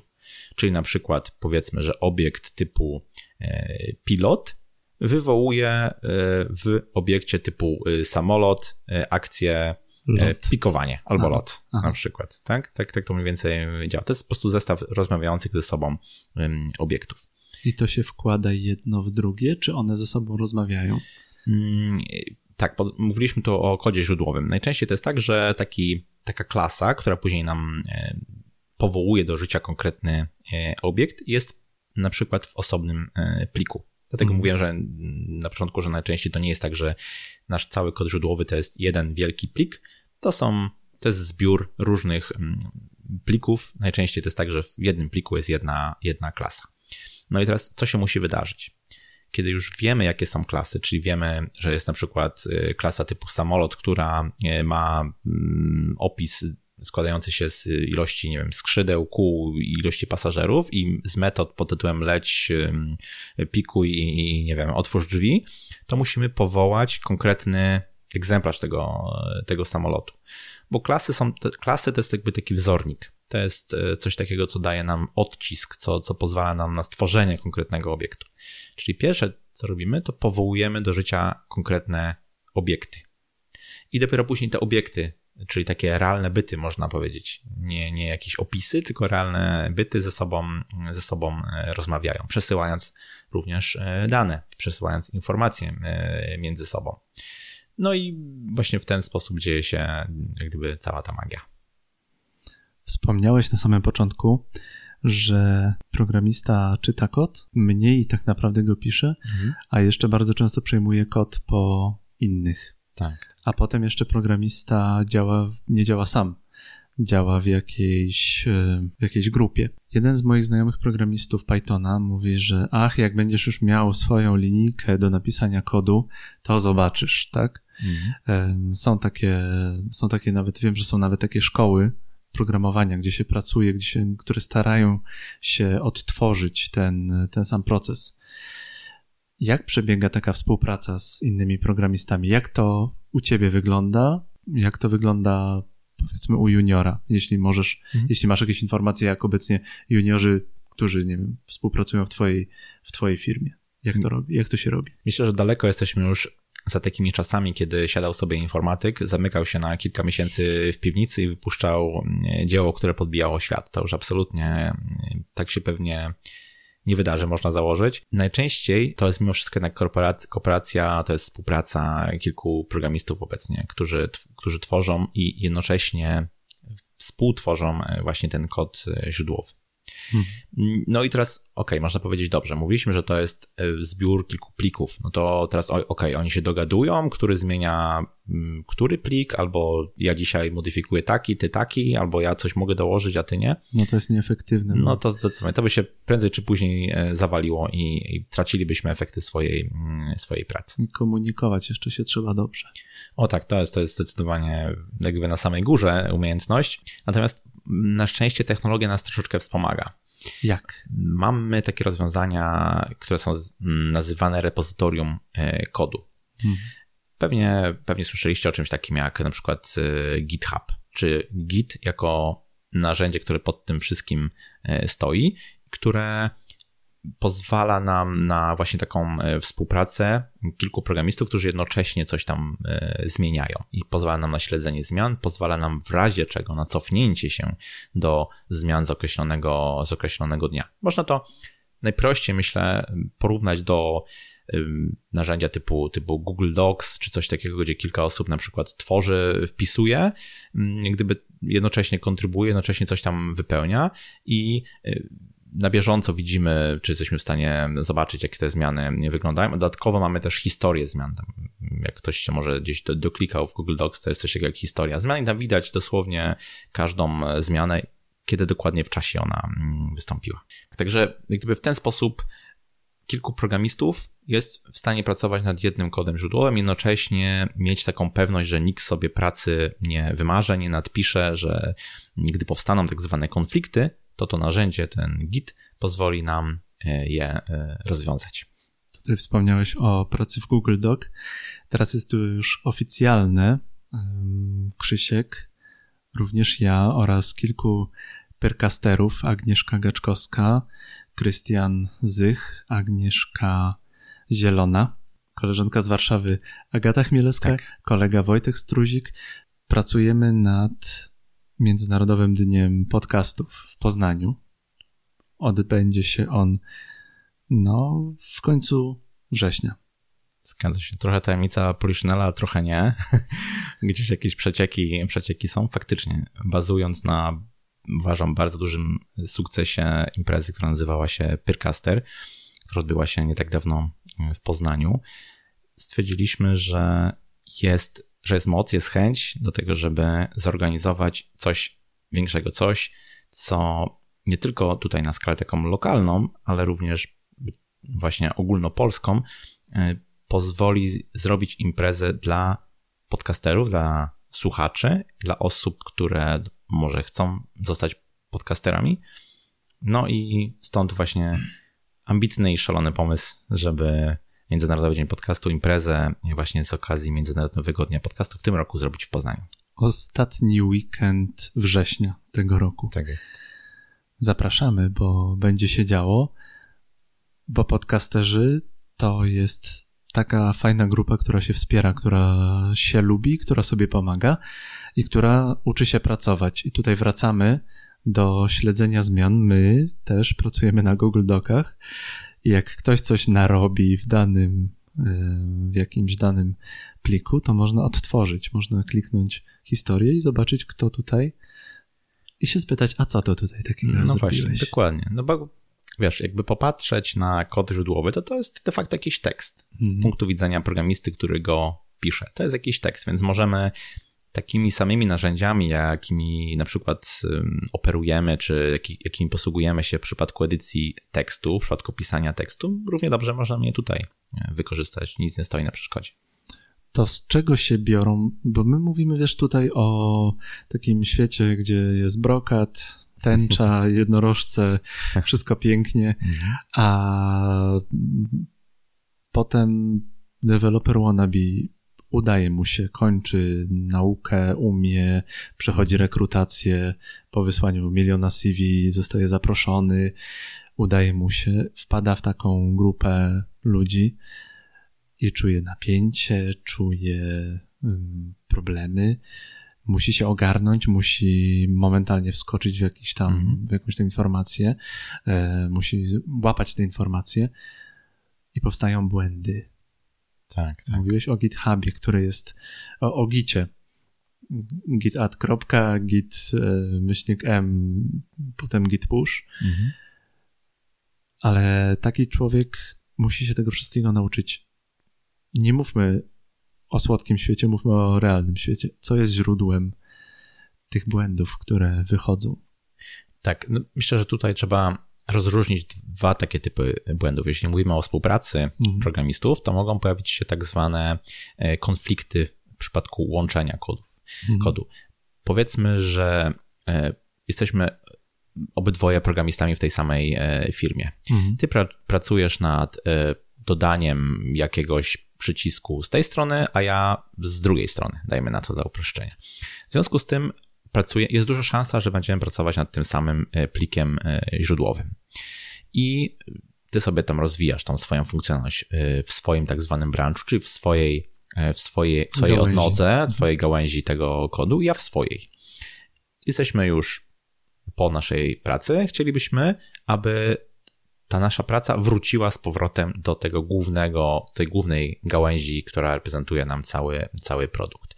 No i teraz powiedzmy, że ten, ta twoja zmiana była zmerdżowana, czyli dołożona jako pierwsza, a moja jako druga. I nagle okazuje się, że obydwoje zmodyfikowaliśmy tą samą linię w kodzie. Tylko, że twój kod został już wcześniej jak gdyby mm, z powrotem zmerdżowany, dołożony, a y, Git, to narzędzie, którym y, mówimy, pokazuje, że hola, hola, tutaj coś się nie zgadza. Próbujesz zmienić również ty y, coś, co zmienił twój kolega mm, wcześniej. No i jest, jest konflikt. I trzeba powiedzieć, że to jest normalne. To nie jest, tego nie należy rozpatrywać w kontekście błędu. To jest normalny proces jak gdyby normalny krok w rozwoju oprogramowania. Można oczywiście w jakiś sposób te mm, unikać albo, albo zminimalizować e, ryzyko. Mm, tutaj gdyby takie podejście, żeby e, te nasze brancze, czyli, czyli to, co my robimy, nie było wielkie. Żeby to nie było tak, że Y, programista nagle sobie siada, na miesiąc o nim zapominamy, on sobie tam sam to dubie i później jak będzie chciał zmerdżować, to no na 100% pojawią się jakieś, jakieś konflikty, bo już tak długi czas upłynął, że, że, on, że ten kod źródłowy się po prostu mm, pozmieniał, więc staramy się robić małe zmiany, małe komity, które najchętniej, najlepiej, żeby były naprawdę tam y, dotyczyły tylko jednego pliku na przykład więc w ten sposób staramy się tego minimali to minimalizować. Są jeszcze inne takie narzędzia, że możemy na przykład od czasu do czasu sobie do tego naszego brancha, na którym sobie pracujemy, wziąć aktualną wersję z tego głównego brancha, czyli ją gdyby zaktualizować. Wtedy jest mniejsza szansa, że pojawi się jakiś konflikt w przypadku mm, merge'owania. Ale tak jak mówiłem, to jest normalne w całym tym procesie wytwarzania oprogramowania, że takie właśnie konflikty powstają. To jest jak gdyby jedna grupa. Druga grupa błędów to są właśnie tak zwane bugi, czyli to, czym dział, dział y, QA i dział testerów się y, zajmuje. Autorstwo tego słowa przypisuje się Grace Hopper. Tak. Tej pani, która zrobiła język COBOL, do, w którym jeszcze, jeszcze chyba pracują na przykład y, banki. Niektóre, Oczywiście, tak? Mhm. jak najbardziej. Jak tak. najbardziej. Są, są programiści COBOLa w, w Polsce. E, nie, tak. wiem, nie, nie, wiem, czy wiesz, ale taka zabawka, mm, zabawka chyba Google'a, jest taka aplikacja, nazywa się Grasshopper. Okay. To jest do nauki, obecnie do nauki JavaScriptu, teraz nie pamiętam, czy, czy już in, dołożone inne języki. E, to jest na zasadzie, stworzona na zasadzie, no masz ten telefon w ręce i masz go w, przez mnóstwo czasu w ciągu dnia, to się mm. zajmie czymś, mm. czymś fajnym. Pewnie. Tam pasi konik sobie skacze. Grasshopper, Gracehopper została, ta nazwa została wymyślona właśnie w cześć Idealnie. wielkiej programistki. No właśnie, ale ten termin został ukuty, znaczy ukuty, on nawet nie został wymyślony, bo to była fizyczna, fizyczny problem, który występował w tych komputerach bardzo wielkich, e, bardzo takich... No, bo lampy, tak. Tak, tak, dokładnie. Po prostu wpadały, wpadały robaki, dokładnie, i one powodowały fizyczne e, problemy z, z przesyłem e, danych, które, które, które tam występowały. Więc to były naprawdę bugi. Teraz mamy bugi bardziej software'owe, które powstają z kilku powodów. Oczywiście są błędy programistyczne, błędy programistów, które powstają w wyniku mm, albo niezrozumienia tego, jak ten kod zostanie e, wykonany, albo niemożliwości przewidzenia tego, w jaki sposób on zostanie wykonany. I ta, ta druga część występuje znacznie, znacznie częściej, bo żaden program komputerowy nie działa w odosobnieniu. To nie jest zamknięta skrzynka, która jest odłączona od świata i coś tam robi. Do niego spływają dane, spływają jakieś informacje z przeróżnych najczęściej systemów, które są do niego podłączone. W związku z tym nigdy tak na 100% nie jesteśmy w stanie przewidzieć, jak, jaka, jaka niespodzianka będzie na ten program czekała, co on tam na tym wejściu dostanie. W związku z tym bardzo trudno jest przewidzieć i zaprogramować, obsłużyć wszystkie możliwe przypadki. No i nieraz się zdarzy, że użytkownicy nas zaskoczą i, i faktycznie pojawi się coś, z czym nasz program nie będzie sobie w stanie mm, poradzić. A mhm. no musimy no. pamiętać, że to jest komputer, to jest maszyna i on tak, no nie będzie wiedział, co, co zrobić, więc po prostu się wysypie są, jest bardzo dużo tych memów o tym, że tutaj jesteś deweloperem, tak, a tutaj jesteś userem. To tak, ostatnio tak, widziałem taką panią, która jedna, jedna pani jako podpisanego deweloper pije sobie herbatkę z, z kubeczka, a druga pani jako użytkownik zupełnie przypadkowo, ale oblizuje te, te, te, te ten kubeczek, bo, Coś tym bo nieprzemyślane. To jest, tak to jest to, że znajdzie się jakiś użytkownik, który 100 razy kliknie w ten przycisk, tak? Na przykład, tak. Jeszcze trzymając kontrol i robiąc tak, coś innego jeszcze i wtedy... I ma jeszcze otwarte cztery programy. Na przykład, na przykład. No to jest pewnie nieskończona ilość możliwości, więc zawsze coś może pójść nie tak zgodnie z prawem Murphy'ego, ale skoro może, to pójdzie. I po to jest tester. Po to między innymi jest tester. Mm, test może trochę spłycenie jego roli, bo, znaczy, może inaczej. W Polsce faktycznie mówi się często o stanowiskach testerskich mm. i ich rolą faktycznie jest testowanie, jest sprawdzanie tego, y, jak pod wpływem różnych danych wejściowych ten program się y, zachowa. Natomiast mm, w Stanach, czy w ogóle na rynku może zachodnim i coraz częściej też już u nas mówi się o stanowisku QA Engineer. I to jest troszeczkę szersze pojęcie. Tak? tak, tak, to jest szersze pojęcie, bo to jest osoba, która ma zapewnić e, jakość, czyli nie tylko sprawdzić, że na przykład ten, ten program nie ma e, błędów, ale też na przykład e, zweryfikować pewne rzeczy już na etapie na przykład projektowania, albo mm, sprawdzić na przykład, czy gdzieś tam nie lądują jakieś błędy nieobsłużone, które, które mogą być wychwytywane. No, szerszy po prostu wachlarz e, działań, które mają zapewnić nam jakość oprogramowania. Czy jesteś w stanie tak na szybko wyjaśnić, czym jest tester manualny, czym się zajmuje tester manualny, a czym e, automatyczny? Tak, tak. Mm, no tych pierwszych nam troszeczkę już e, ubywa z rynku, aczkolwiek są takie dziedziny, jak na przykład gry, gdzie, gdzie ciągle jak gdyby testowanie manualne będzie, będzie konieczne. Testowanie manualne to jest po prostu postawienie mm, człowieka przed e, maszyną, uruchomienie programu i proszę klikaj, spróbuj ten program wysypać. Czy spróbuj znaleźć w nim jakąś, jakąś dziurę. To fizyczne e, sprawdzanie interakcji człowiek versus maszyna. No i to ma też swoje plusy i minusy. Mm, zdecydowanie minusem jest to, że to jest bardzo nieefektywne. W momencie, kiedy programiści zmieniają coś w kodzie, no to trzeba byłoby znowu cały ten program mm, przeklikać, żeby sprawdzić, czy nie powstały tak zwane regresje, czyli zmiana w jednej części y, kodu nie objawia się jakimiś błędami w innej części kodu. No i to jest czasochłonna, czasochłonna e, praca. Z drugiej strony, tester manualny często może wpaść na jakiś taki scenariusz e, testów, który no, może nie dałoby się tak do końca przewidzieć. Jest taki właśnie bardziej bliższy realnemu użytkownikowi niż, e, niż, e, niż maszynie. Natomiast no, no powiem jeszcze raz, jest to, jest to nieefektywne, jest to czasochłonne. Poza tym, no właśnie człowiek to jest człowiek, on może wpaść już później w taką rutynę testowania. Jeśli już po raz 50 to samo testuje, to on już nie widzi nawet e, tego błędu, przyzwyczaił się do tego. Z drugiej strony mamy e, testowanie troszeczkę bardziej zaawansowane, które wymaga już takich skilli, umiejętności trochę programistycznych i to jest testowanie automatyczne. To polega na napisaniu pewnego tak naprawdę kodu, napisanie pewnego skryptu, który za nas będzie testował.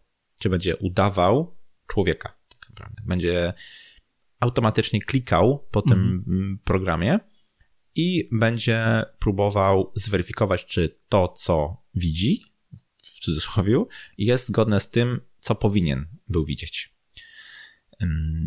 No i plus, plus dodatnie oczywisty jest taki, że to jest znacznie, znacznie szybsze. To znaczy, możemy uruchomić takie, takie testy praktycznie w mgnieniu oka, praktycznie przy każdej e, zmianie, jaka zostanie przez programistów e, wykonana. Ale z drugiej strony, te testy nie wykonają nam jakiegoś totalnie nie, nieprzewidzianego scenariusza, tak? Nagle same z siebie nie będą 10 razy klikały Enter i dwa razy mm, Escape, prawda? Więc to jest jak gdyby coś, e, coś za coś. No ale zdecydowanie świat idąc w kierunku automatyzacji obecnie też idzie w kierunku testów e, automatycznych. No i to będzie taki, taki kierunek, myślę. Teraz jeszcze mam takie pytanie odnośnie języków. Mówiłeś, że musimy się uczyć myślenia. Ja się z tym zgadzam, ale powstaje kolejne pytanie. Mówi się o tym, że jak bankowość to Java, jak gry to C. Jak to się ma do tego, że musimy się uczyć myślenia, a potem tak czy owak się musimy nauczyć Java? Tak, bo faktycznie nie da się, albo bardzo trudne jest zrobienie takiego języka, który byłby idealny we wszystkich zastosowaniach.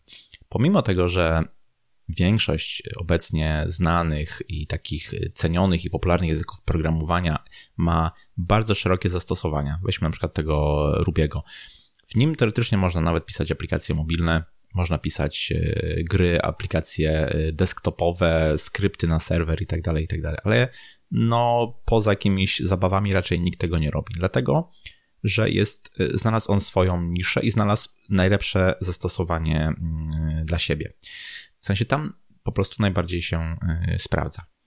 W związku z tym możemy się uczyć języka e, programowania mm, po to, żeby sprawdzić różne jego możliwości, ale i tak na rynku w rzeczywistości będzie to wyglądało tak, że on najlepiej po prostu nadaje się do danej gałęzi, do danej, do danej e, dziedziny.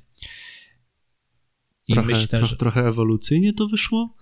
Tak mniej więcej, że... Ja myślę, że bardziej by design, bo Aha. na przykład, wrócę znowu do tego, do tego Rubiego, on na przykład niezbyt dobrze się sprawuje w środowiskach takich e, wielozadaniowych albo w środowiskach wymagających e, dużego, mm, dużej wydajności na przykład, więc no, używanie go do robienia gier trochę byłoby strzałem w, w kolano po prostu, bo, bo tutaj to nie są jego mocne strony, tak?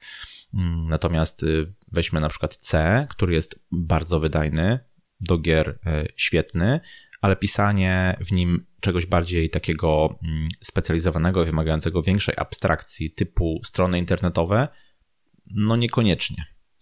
Więc raczej bym powiedział, że trochę, trochę ewolucja, trochę po prostu mocne strony danego języka, które wynikają z pewnych zasad czy założeń przyjętych podczas y, projektowania tego języka. Mówisz o projektowaniu języka. Część odbiorców, która słucha i ciebie, i mnie, to są frontendowcy i to są też podstawowe, osoby na bardzo podstawowym poziomie. Mhm. Ty mówisz o, o Rails, Ruby on Rails.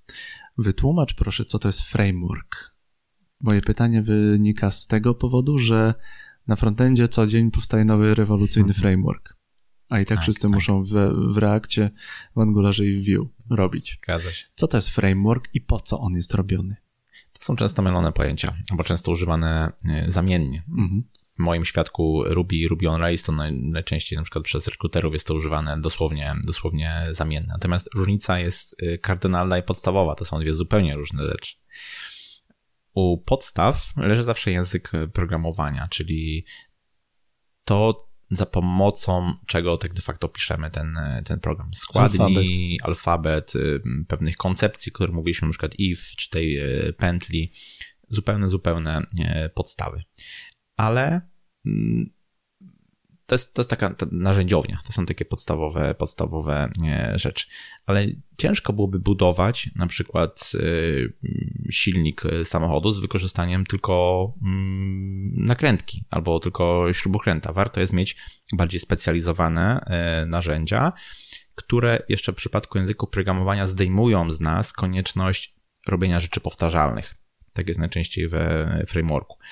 Mm, w przypadku właśnie tak powiedziałeś JavaScriptu, czy w przypadku PHP na pewnym etapie jego rozwoju, to było tak samo. Java zresztą tak samo. Co chwilę powstawały jakieś frameworki. Każda firma miała swój, swój e, framework.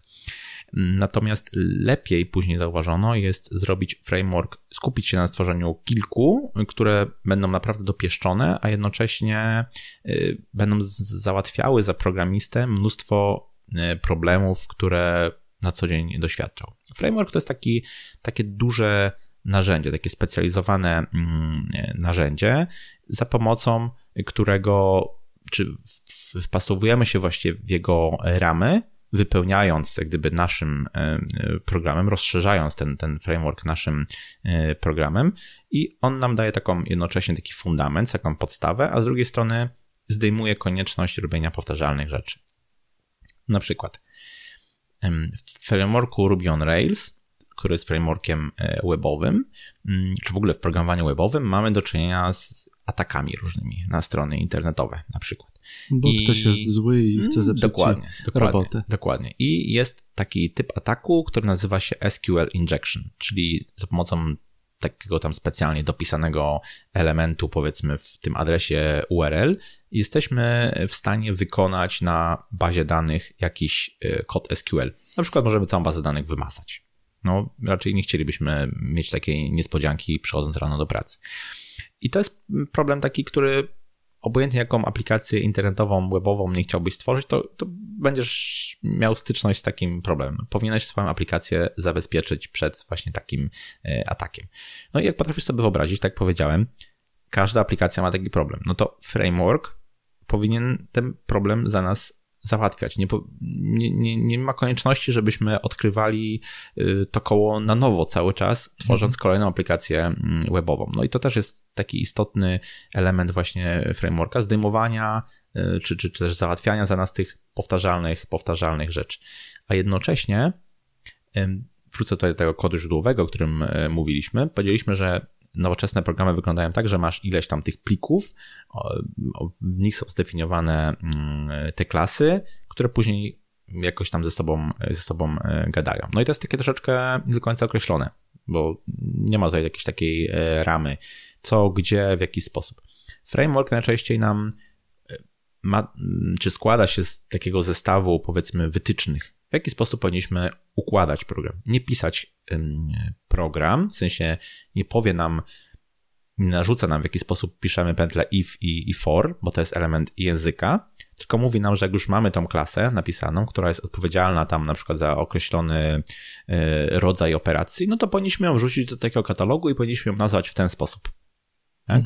Mm -hmm. To też daje taką e, dodatkową przewagę, że jak deweloper po nas przejmuje taką pracę, no to on wie, gdzie się czego spodziewać. To nie jest taka samowolka, czy, czy, czy takie tak zwane spaghetti code, czyli mieszanie po prostu tego kodu odpowiedzialnego, odpowiedzialnego za różne aspekty. Framework mówi jasno. To tutaj, to tutaj umieszczasz, to nazywasz. W ten sposób ktoś, kto przyjdzie, będzie wiedział, gdzie tego szukać. Na przykład e, konfigurację e, przypadku mm, frameworka Ruby on Rails wrzucamy do pliku config.rb. Proste. Przychodzi deweloper, zawsze który i wszędzie. zawsze i zawsze i wszędzie, zawsze tam to jest, jest to pewna e, rama. Mhm. Ciężko ci się tak zniżyć do takiego poziomu, żeby tłumaczyć te rzeczy, które są tak oczywiste od 15 lat dla ciebie? Nie jest to łatwe faktycznie, bo wydaje się to tak oczywiste. Mamy taką też klątwę, klątwę wiedzy, że, że w pewnym momencie mm, faktycznie mm, zatracamy się w tym trochę i wydaje nam się, że się urodziliśmy z tą wiedzą. Tego oczywiście, tego oczywiście nie jest.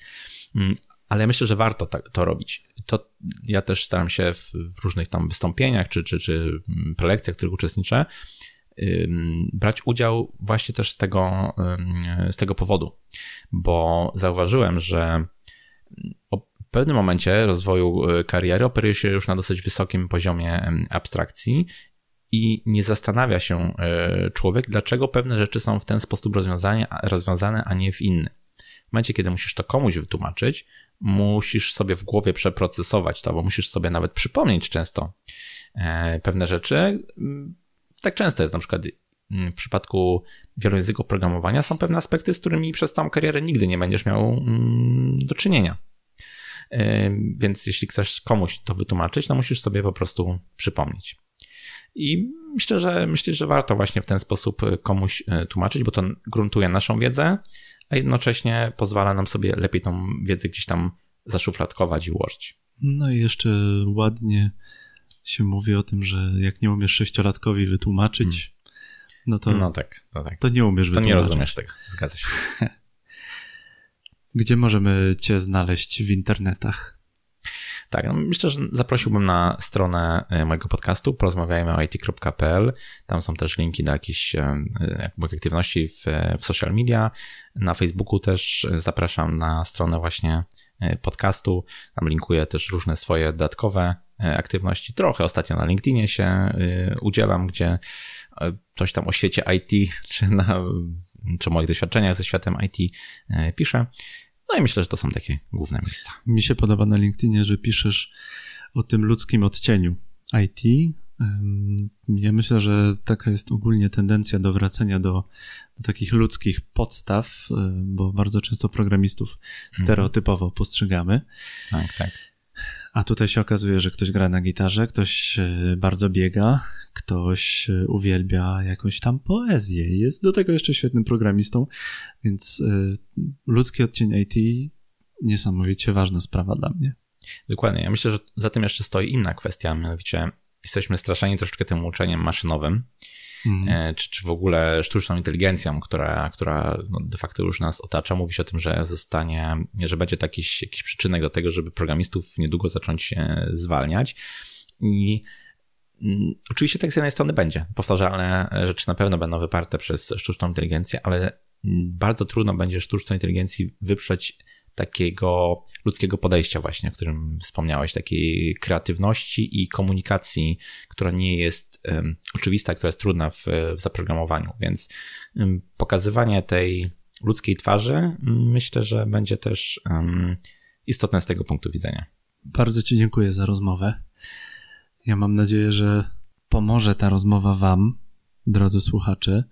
Posłuchaliście człowieka, który ma półtorej dekady doświadczenia, który, z którym, z Krzyśkiem rozmawialiśmy dosyć długo o, o, tym, o tym podcaście i ja jednocześnie nie mogłem się e, tak naprawdę wyjaić, co ja mhm. chcę, aż musiałem wziąć po prostu książkę do JavaScriptu mhm. i najnormalniej tak wziąć i się spytać, Krzyśku, a co to jest if? Weź mi wytłumacz if. Mhm, I to jest też dla was. Dziękuję Ci za, za Twój czas. Usłyszymy się na pewno. Usłyszymy się na Międzynarodowym Dniu Podcastów. Już niedługo, ostatni weekend września. Przyjeżdżajcie do Poznania, przybijcie piątkę Krzyśkowi mnie, przybijcie piątkę innym podcasterom, będzie nas dwóch, Dokładnie. Ja też bardzo dziękuję za zaproszenie. Mm, zawsze fajnie zwrócić do takich swoich podstaw. I no i też zapraszam oczywiście e, do Poznania. Zapraszam na, na wydarzenie, które mam nadzieję, troszeczkę zawróci i zmieni tutaj e, światek podcasterowy w Polsce, może pokaże jakąś nową, e, nową jakość.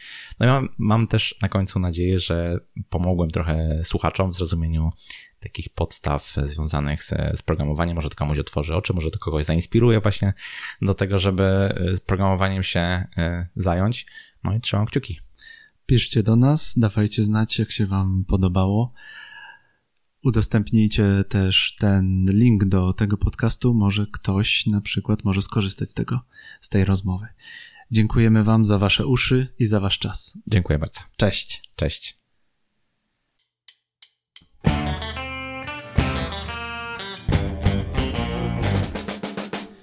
Dziękujemy za Wasz czas i za Wasze uszy. Krzysztof to jest super ekspert, który inspiruje innych. Rozmowa z nim to jest czysta przyjemność, chłonę wiedzę, a tą wiedzą dzielimy się również z Wami. Prawdopodobnie słuchasz naszej rozmowy na aplikacji podcastowej w iTunes albo w Spotify. Jeśli słuchasz w Spotify, zaobserwuj i daj na przykład serduszko. Na iTunes możesz skomentować i dać 5 gwiazdek. Jeśli jest to aplikacja podcastowa typu Pocket Casts, możesz na przykład udostępnić tę rozmowę w swoich social mediach. Bardzo duża prośba. Pomóżcie nam dotrzeć do nowych deweloper wannabe. Krzysztof podzielił się wiedzą. Jestem przekonany, że ta rozmowa pomoże innym zrozumieć podstawy programowania.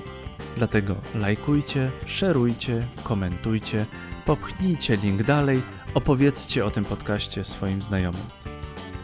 To na razie tyle. Bardzo Wam dziękuję za Wasz czas. Do usłyszenia. Jędrzej Paulus, podcaster IT. Hej!